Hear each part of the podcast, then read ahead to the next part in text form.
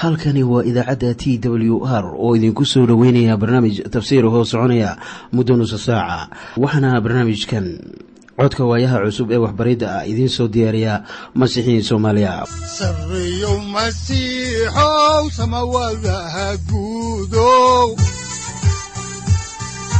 Siraadkii adduunkow subanaha eebow sareyow masiixow samawadaha guudow siraadkii adduunkow subanaha eebow adigoo samada jiro ifkaan soo saldhiganba adigoo samada jiro ifkaan soo saldhiganba kutubtiisanaye udanogu saaciiday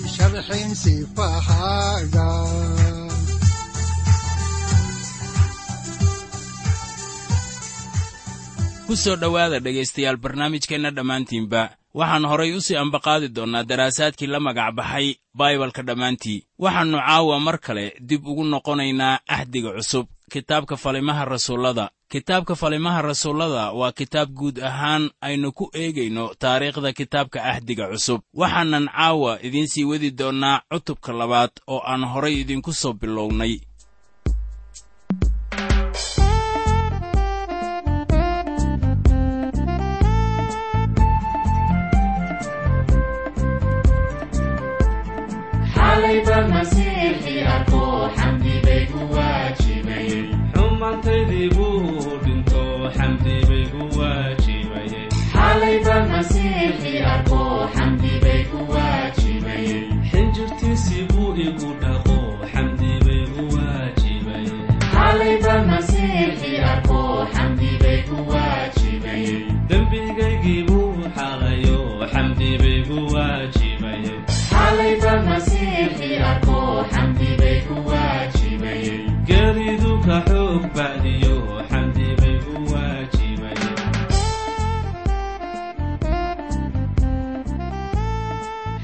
markii noogu dambaysay waxay inoo joogtay aayadda saddex iyo tobanaad halkaasoo dadkii ay aad iyo aad ula tacajubeen. Marka kuwo kale oo aan garanaynin waxa ay ku hadlayaanna ay ula muuqatay inay sakhraansan yihiin.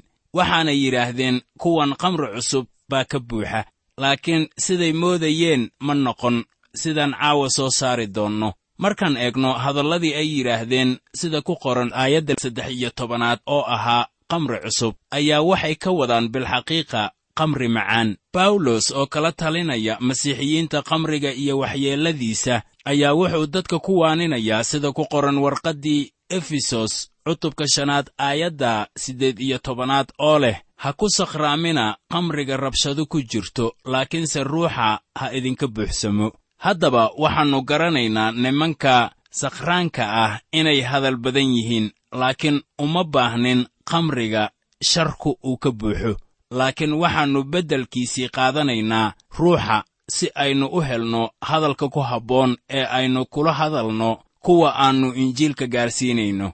Taasaana ahmiyadda weyni ay ku jirtaa. War maxay maalin qiimi leh ahayd maalintii bentekost waxay ahayd maalintii ruuxa quduuska ah uu u yimid inuu u yeedho ururka rumaystayaasha si ay majaraha ugu taagaan kiniisadda maalintii ka horraysay bentekost wax kiniisad ah ma jirin. Maalintii ka dambaysay bentekostana waxaa jiray kiniisad isla sidii ay ahayd ciiddii bentekost sida ku qoran axdigii hore. Waxay imaan jirtay ama la qaban jiray munaasabaddaasi konton maalmood kadib markii la ciido ciidda midhaha ugu horreeya. Markaana waxaa la qabtaa oo kale konton maalmood kadib markii ciise masiix uu ka sare kacay dhimashada markaasoo ruuxa quduuska ah uu u yeedhay ururkii rumaystayaasha ahaa. Iminka butros ayaa istaagaya wuxuuna ka jawaabayaa kuwii caytamayey ee lahaa waxaa ka buuxa khamri cusub. Haatan aynu eegno maaddada ku saabsan khudbadii ugu horraysay ee butros uu jeediyey. Haddaan ku bilowno xigashada kitaabka falimaha rasuullada ayaannu iminka eegaynaa cutubka labaad aayadaha afar iyo toban ilaa shan iyo toban ee baalka laba boqol ee sagaal ee axdiga cusub. Waxaana qoran sida tan laakiin butros intuu kow iyo tobankii isla taagay ayuu sare u qaaday codkiisii oo uu ku yidhi iyaga niman yahow reer yuhuudiya iyo dhammaantiinnan yeruusaalem degganow tan ogaada oo hadalladayda dhegaysta waayo kuwanu ma sakhraansana sidaad u malaynaysaan inay sakhraansan yihiin. Maxaa yeelay tanu waa saacaddii saddexaad ee maalmeed. Waxaan iminka u malaynayaa inaan u baahan nahay inaan ogaanno cidda jameecadan ay ahayd.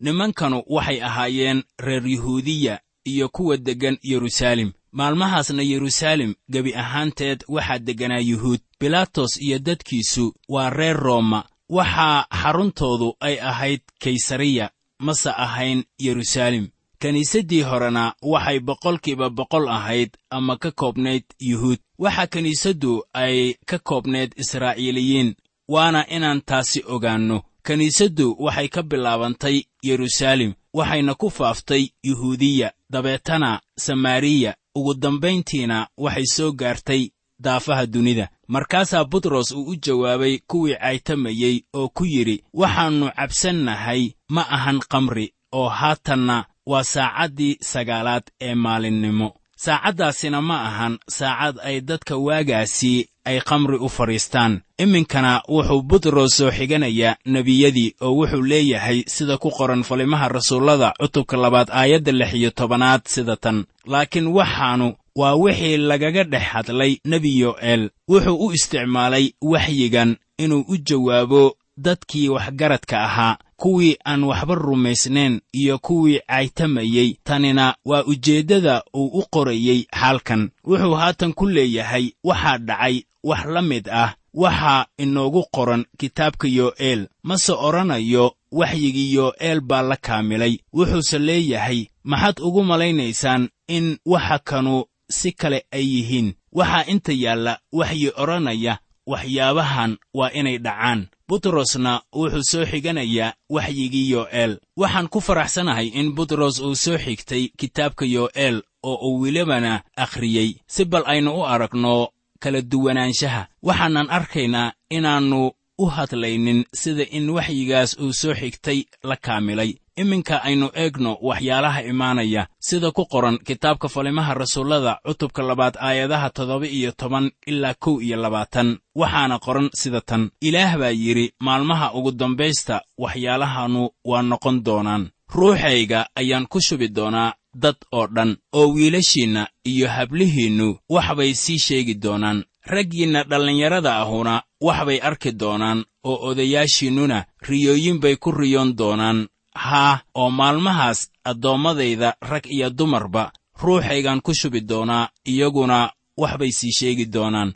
Oo waxaan samada sare ka muujin doonaa yaabab dhulka hoosena waxaan ka muujin doonaa calaamooyin kuwaas oo ah dhiig iyo dab iyo uumiskii qiiqa qorraxdu waxay u beddelmi doontaa gudcur dayuxuna wuxuu u beddelmi doonaa dhiig intaanay imaan maalinta rabbiga taas oo ah maalin weyn oo caan ah oo waxay noqon doontaa in ku alla kii magaca rabbiga ku dhawaaqaa uu badbaadi doono. Haddaba ilama ahan in qofina uu odhanayo maalintii bentekost ayaa dayaxa dhiig loo rogay qorraxdana la madoobeeyey. Markii masiixa la qodbay waxaa dunida ka jiray saddex saac oo gudcur ah laakiin maalintii bentekost sidaas ma ahayn. Mana jirin waxyaabo samada laga muujiyo iyo calaamado dhulka hoose laga muujiyey. Weliba lama arag dhiig ama dab ama uumiskii qiiqa simon butros wuxuu soo xiganayaa qidcadan si uu kuwa caytamaya ugu muujiyo in ruuxa laysku shubayo aannu ahayn wax khayrilcaadi ah. Yo'eel baaba sii sheegay waana wax dhici doona ayuu yidhi butros saaxiib haddaba qidcadan ku qoran kitaabkii yo'eel cutubka labaad aayadaha siddeed iyo labaatan ilaa laba iyo soddon. Weli lama kaamilin ilaa iyo maanta. Haddii aan akhrinno kitaabka yo'eel ayaannu ogaanaynaa inuu wax badan ka hadlay maalinta rabbiga. Maalinta rabbiga waxay ku bilaabanaysaa wakhtiga dhibka weynu uu bilaabmayo. Waxayna gelaysaa zabanka dhammaadkiisa. Saddex oo ka mid ah kitaabkii yo'eel ayaa lagu sheegayaa maalinta rabbiga ilaa iyo shan goor. Yo'eel wuxuu ka hadlayaa xaqiiqada ah in wakhtigaasi uu noqonayo mid dagaallo ay jiraan oo ah wakhti dhulka ama dunida la xukumayo. Waxyigaasna weli lama kaamilin lamana odhan karo waxa uu waxyigaasi kaamilmay maalintii bentekost marka aynu aragno waxa simon butros uu ku leeyahay horudhacan ayaa waxay tahay bal eeg waxa aad arkaysaan ma ahan wax ka soo hor jeeda waxbaridda aynu aaminsannahay wuxuu kaloo leeyahay maalintu way imaanaysaa xitaa waxyigaasu markuu kaamilmayo maantana waxaannu arkaynaa wax la mid ah waxyaabahaas oo dhacaya. Kadib markii uu sidaan u hadlay ayuu horay u sii socday oo wuxuu u gelayaa muhiimadda khudbadiisa xusuuso inuu la hadlayo rag garanaya axdigii hore. Haddaba yaanay kula noqonin dhegaystow in wakhtigaasi ay jireen nukhliyo ama waraaqo masiixiyiin ay qoreen. Iminka ayayba kiniisaddu bilaabmaysaa waa maalinta bentekost haddaba taasu waxa weeye bilowga kiniisadda sida la garan karana wuxuu la hadlayaa yuhuudda oo wuxuu leeyahay rag yahu reer banu israa'iil. Wuxuu markaasi la hadlayaa reer banu israa'iil. Iminka wuxuu hoos u aadayaa khudbadiisa. Maaddadii uu ka hadlayey ayuuna gelayaa. Haddaan idin akhrinno wax halkaasi ku saabsan ayaannu eegaynaa kitaabka falimaha rasuullada cutubka labaad aayadda laba-iyo labaatanaad waxaana qoran sida tan. Rag yahow reer banu israa'iil hadalladan maqla ciisihii reer naasaret oo ahaa nin ilaah idinku caddeeyey shuqullo xoog leh iyo yaabab iyo calaamooyin oo ilaah uu ku sameeyey isaga gacantiisa idinka dhexdiinna. Sidaad idinka qudhiinnuba u og tihiin. Iminka waxay ila tahay in mucjisooyinka lala yaabo iyo calaamadahaba ay ka beddelan yihiin sidii ay ahaayeen. Waxaan rumaysanahay in mucjisooyinka loo samaynayo hal ujeeddo. Layaabkana ujeeddo kale. Calaamadahana ujeeddo saddexaad. Ciise wuxuu sameeyey waxyaabo qaas ah oo ah calaamado. Mucjisooyin bogsiin ah ayuu sameeyey si uu ku helo dareenka kuwa dhegaysanaya saddexdan waxyaabood ee uu soocday ayuu sayidka ku socdaa. Haddaan idinka akhrinno kitaabka falimaha rasuullada cutubka labaad aayadaha saddex iyo labaatan ilaa afar iyo labaatan ayaa waxaa qoran sida tan markii isaga lagu gacan geliyey taladii ilaah goostay oo uu hore u ogaa gacanta sharcilaawayaasha ayaad ku qabateen waadna ku qodobteen iskutallaabta oo disheen.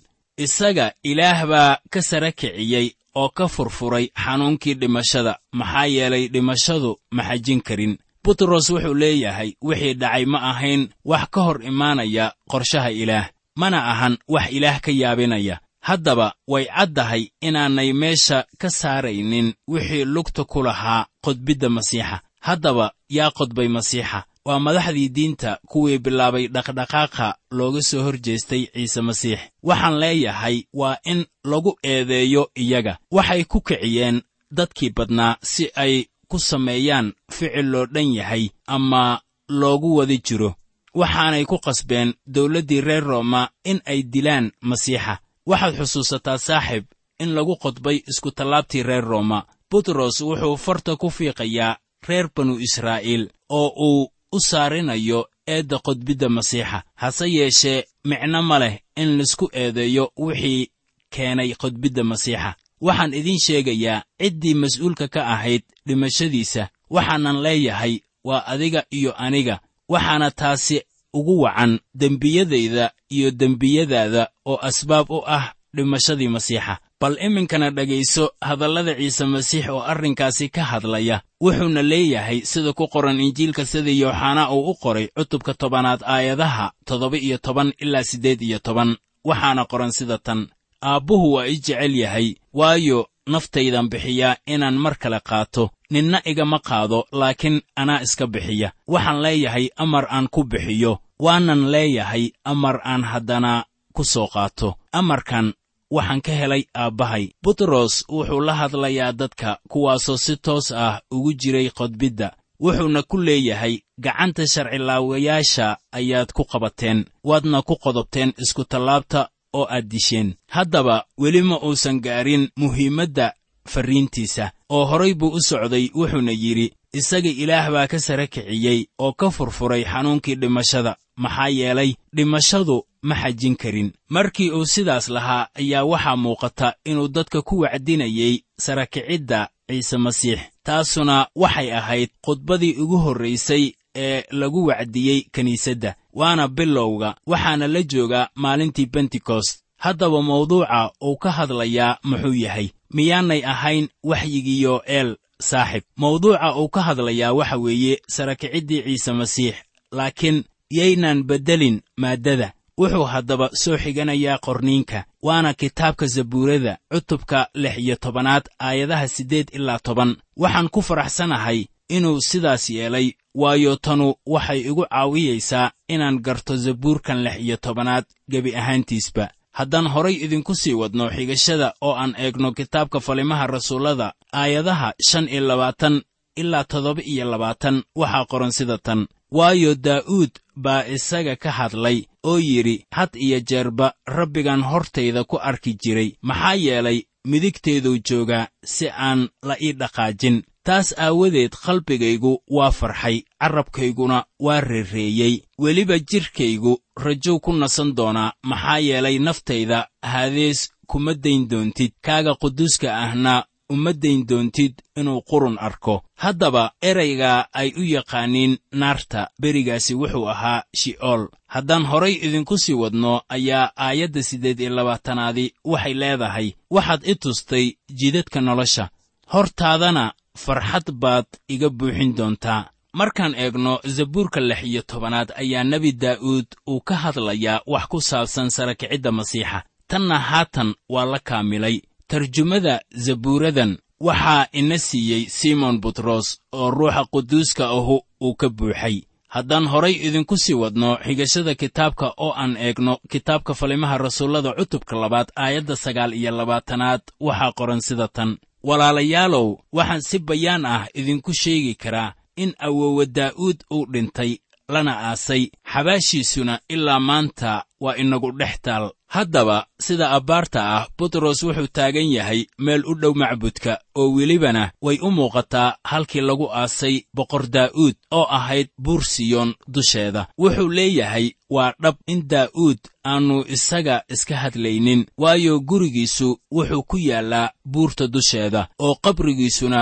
waa halkaas jidhkiisa wax qurun ah laguma arag. Iminkana ka hadli maayo nafsaddiisa laakiin wuxuu ka hadlayaa qof aniga iyo adiguba aynu garanayno. Qofkaasoo aan qurun arag laakiin dhimashadii laga sara kiciyey. Haddaba yuu kula noqon karaa dhegaystow qofkaasi. Waa sayid ciise masiix haddaan horay idinku sii wadno ayaa waxaa ku qoran kitaabka falimaha rasuullada cutubka labaad aayadaha soddon ilaa kow iyo soddon sida tan. Haddaba isagoo nebi ahaa oo ogaa in ilaah dhaar ugu dhaartay isaga inuu dhashiisa midkood carshigiisa ku fadhiisin doono wuxuu horay u arkay uu ka hadlay masiixa sarakiciddiisa inaan isaga haadees lagu dayn jidhkiisuna qurun arag. Haddaba taasu waa wixii nebi daa'uud uu kaga hadlay zabuurka lix iyo tobanaad wuxuu ka hadlayey sarakicidda ciise masiix waxaa laga yaabaa inaad tidhaahdo laakiin waxaan akhriyey zabuurka lix iyo tobanaad oo inoo sheegi maayo in ciise masiix uu ka sarakacayo dhimashada. Saaxiib falimaha rasuullada ayaannu ku arkaynaa fasiraaddii ruuxa quduuska ahi uu ka bixiyey zabuuraddan iminka gadaal baannu u noqonaynaa innagoo garanayna inay taasu ka hadlayso sarakicidda sayid ciise masiix. Muxuu haddaba ka hadlayaa simon butros. Khudbadiisu waxay ku saabsan tahay sarakicidda masiixa. Khudbadii ugu horraysay ee kiniisadda waxay ku saabsanayd wakhtiga sarakicidda oo loo yaqaanno ister khudbad waliba ee kiniisadihii hore ay dadka ugu wacdiyi jireen wuxuu ka hadlayey ama ku saabsanaa sarakicidda waxaa butros uu leeyahay iminka sida ku qoran falimaha rasuullada cutubka labaad aayadda laba iyo soddonaad sida tan. Ciisahan ilaah baa sara kiciyey annagoo dhammuna markhaatiyaal baannu ka nahay ama ka wada nahay. Marka sidaanaan arkayno wuxuu butros ku leeyahay hormadii dadka ahaa ee halkaasi joogay. Waxa kanu waa wixii aad aragteen oo ah mucjisooyinkii ay ku maqleen luqadahooda iyadoo ay ka imaanayaan reer galiili waxaanay u dhacayaan ama loo arkayaa waxa weeye in ciise uu ka sara kacay dhimashada. Haddaan horay idinku sii wadno xigashada oo aan iminkana eegno kitaabka falimaha rasuullada cutubka labaad aayadaha saddex iyo soddon ilaa shan iyo soddon waxaa qoran sida tan. Haddaba isagoo ilaah midigtiisa sare loogu qaaday oo aabbaha ka helay ballankii ruuxa quduuska ahaa ayuu soo shubay waxan oo aad arkaysaan oo aad maqlaysaan maxaa yeelay daa'uud samooyinka kor uma aadin laakiin isaga qudhiisaa leh rabbigu wuxuu sayidkayga ku yidhi midigtayda fadhiiso ilaa aan cadaawayaashaada cagahaada hoostooda geliyo. Waxaan ognahay in nebiyadii axdigii hore ayaan weli samada aadin oo haddii qof samada uu aadi lahaa kaasu wuxuu noqon lahaa daa'uud. Daa'uudna samooyinka kor uma dhaafin. Wadaaddada axdigii hore waxay ahayd in dunidan lagu soo saro kiciyo oo ay ku noolaadaan halkan maalin. Waa kiniisadda tan la geynayo yeruusaalemta cusub. Waxaa kaloo la leeyahay haddii mid ka mid ah rumaystayaasha uu dhinto waxay la joogayaan iyagoon jir lahayn sayidka. Waxaa taasu ay ku qoran tahay warqaddii labaad ee reer korintos cutubka shanaad aayadda siddeedaad. Waxaannu aragnay in butros uu soo xigtay oo kale zabuurka boqol iyo toban aayadda koowaad. Wuxuuna muujinayaa in sayid ciise masiix uu fadhiyo gacanta midig ee ilaah halkaasuuna joogayaa ilaa laga gaaro wakhtiga uu dunida ka taagayo boqortooyadiisa. Marka uu fadhiyo gacanta midig ee ilaah ayuu welibana shaqo ka hayaa dunida haddaan horay idinku sii wado xigashada oo aan eegno falimaha rasuullada cutubka labaad aayadaha lix iyo soddon ilaa siddeed iyo soddon ayaa waxaa qoran sida tan. Reer banu israa'iil oo dhammu aad ha u ogaadeen in ilaah uu ka dhigay rabbi iyo masiixba. Ciisahan aad isku tallaabta ku qodobteen. Markay taas maqleen ayaa qalbiga laga wareemay. Markaasay ku yidhaahdeen butros iyo rasuulladii kale walaalayaalow maxaannu falnaa. Markaasaa butros iyagii uu ku yidhi toobadkeena oo midkiin kasta ha lagu baabtiiso magaca ciise masiix dembidhaafkiinna aawadiis oo waxaad heli doontaan hadiyadda ah ruuxa quduuska ah. Sidaan haddaba arkayno wuxuu dadka ku wacdinayaa sarakicidda masiixa iyo in masiixa uu u dhintay dembiyadooda laakiin uu dhimashadii ka sara kacay. Waxaanay farriintaasu keentay inay qalqalaan. Waxaa haddaba la wacdinayaa rag aqoon u leh axdigii hore. Waxaana loo sheegay inay toobad keenaan. Tanina waa xaqiiqo kuu muujinaysa inaad ugu kalsoonaato masaabaxa dembiyadaada. Intii camalla aad samaysay wax ka raadin lahayd. Waxaa kaloo uu ku yidhi waxaad heli doontaan hadiyadda ruuxa quduuska ah. Qof waliba ee rumaysta ee ku kalsoonaada masiixa wuxuu helayaa hadiyadda ruuxa quduuska ah haddaba haddaan horay idinku sii wadno xigashada oo aan eegno kitaabka falimaha rasuullada cutubka labaad aayadaha sagaal iyo soddon ilaa kow iyo afartan waxaa qoran sida tan. Maxaa yeelay ballanka waxaa leh idinka iyo carruurtiinna iyo kuwa fog oo dhan in allah intii rabbiga ilaaheenna ahu u yeedho hadallo kaloo badan ayuu markhaati ahaan ugu waaniyey isagoo leh naftiinna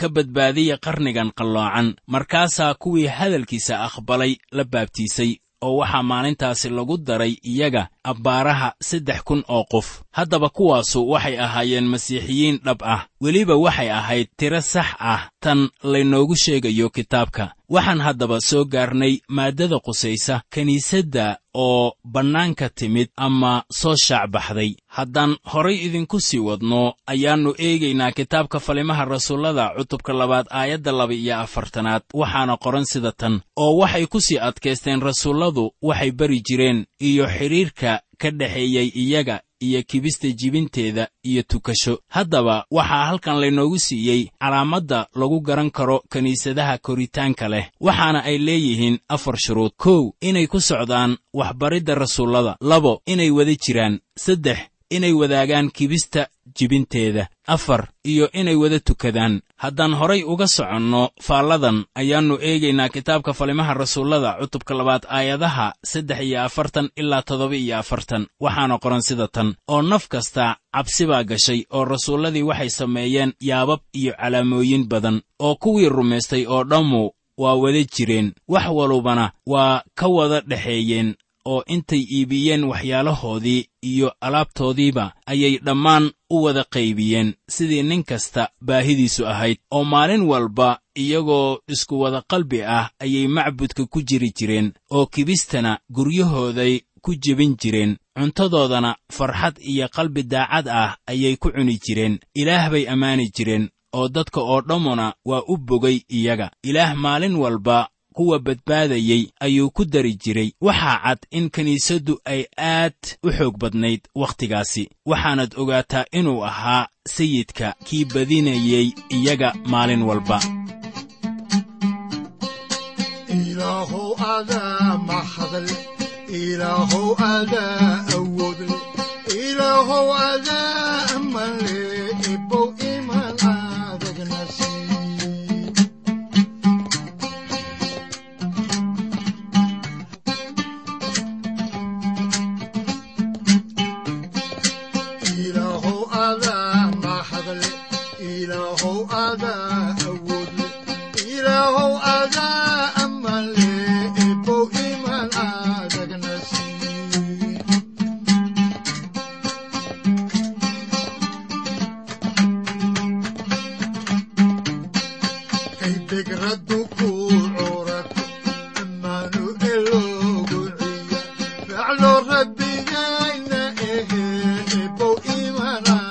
adagna sii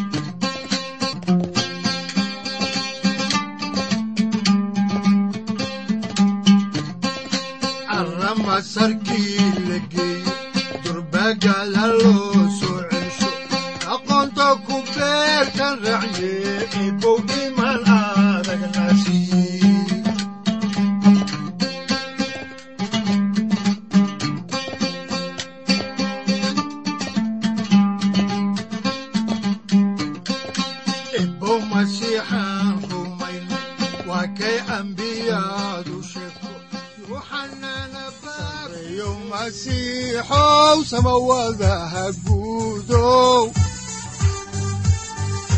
siraadkii adduunkow subanaha eebow adigoo samada jiro ifkan soo saldhiganba adigoo samada jiro ifkan soo saldhiganba kutubtiisanaye halkani waa t w r idaacadda t w r oo idinku leh ilaa ha idin barakeeyo oo ha idinku anfaco wixii aad caawi ka maqasheen barnaamijka. Waxaa barnaamijkan oo kalea aad ka maqli doontaan habeen dambe hadahan oo kale haddiise aad doonaysaan in aad fikirkiina ka dhiibataan wixii aad caawi maqasheen ayaad nagala soo xiriiri kartaan som t w r at t w r c o k e haddii aad doonaysaan in aad dejiisataan oo kaydsataan barnaamijka ama aad mar kale dhegaysataan fadlan mar kale booqo www t w r o r g amase www t t b t w r o r g. Amase waxaad teleefoonkaaga ku kaydsataa ama ku download garaysataa agabyada ku sahli karaa dhegeysiga t w r haddii aad doonayso in laga kaalmeeyo dhinacyada fahamka kitaabka amase aad u baahan tahay duco fadlan fariimahaaga soo mari bogga aaraahda ama kommentska inana jawaab degdeg ah ayaanu ku soo diri doonaa amase ku siin doonaaye. Sarreeyow masiixow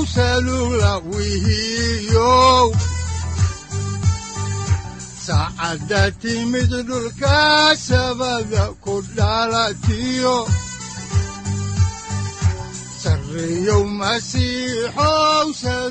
halkani waa t w r oo idiin rajaynaya habeen baraare iyo barwaaqaba leh inta aynu ka gaari doono wakhti aynu ku kulanno barnaamij la mida kan caawayay aad maqasheen waxa aan idinku leeyahay nabadda ciise masiix ha idinku badato xagga jirka iyo ruuxaba aamiin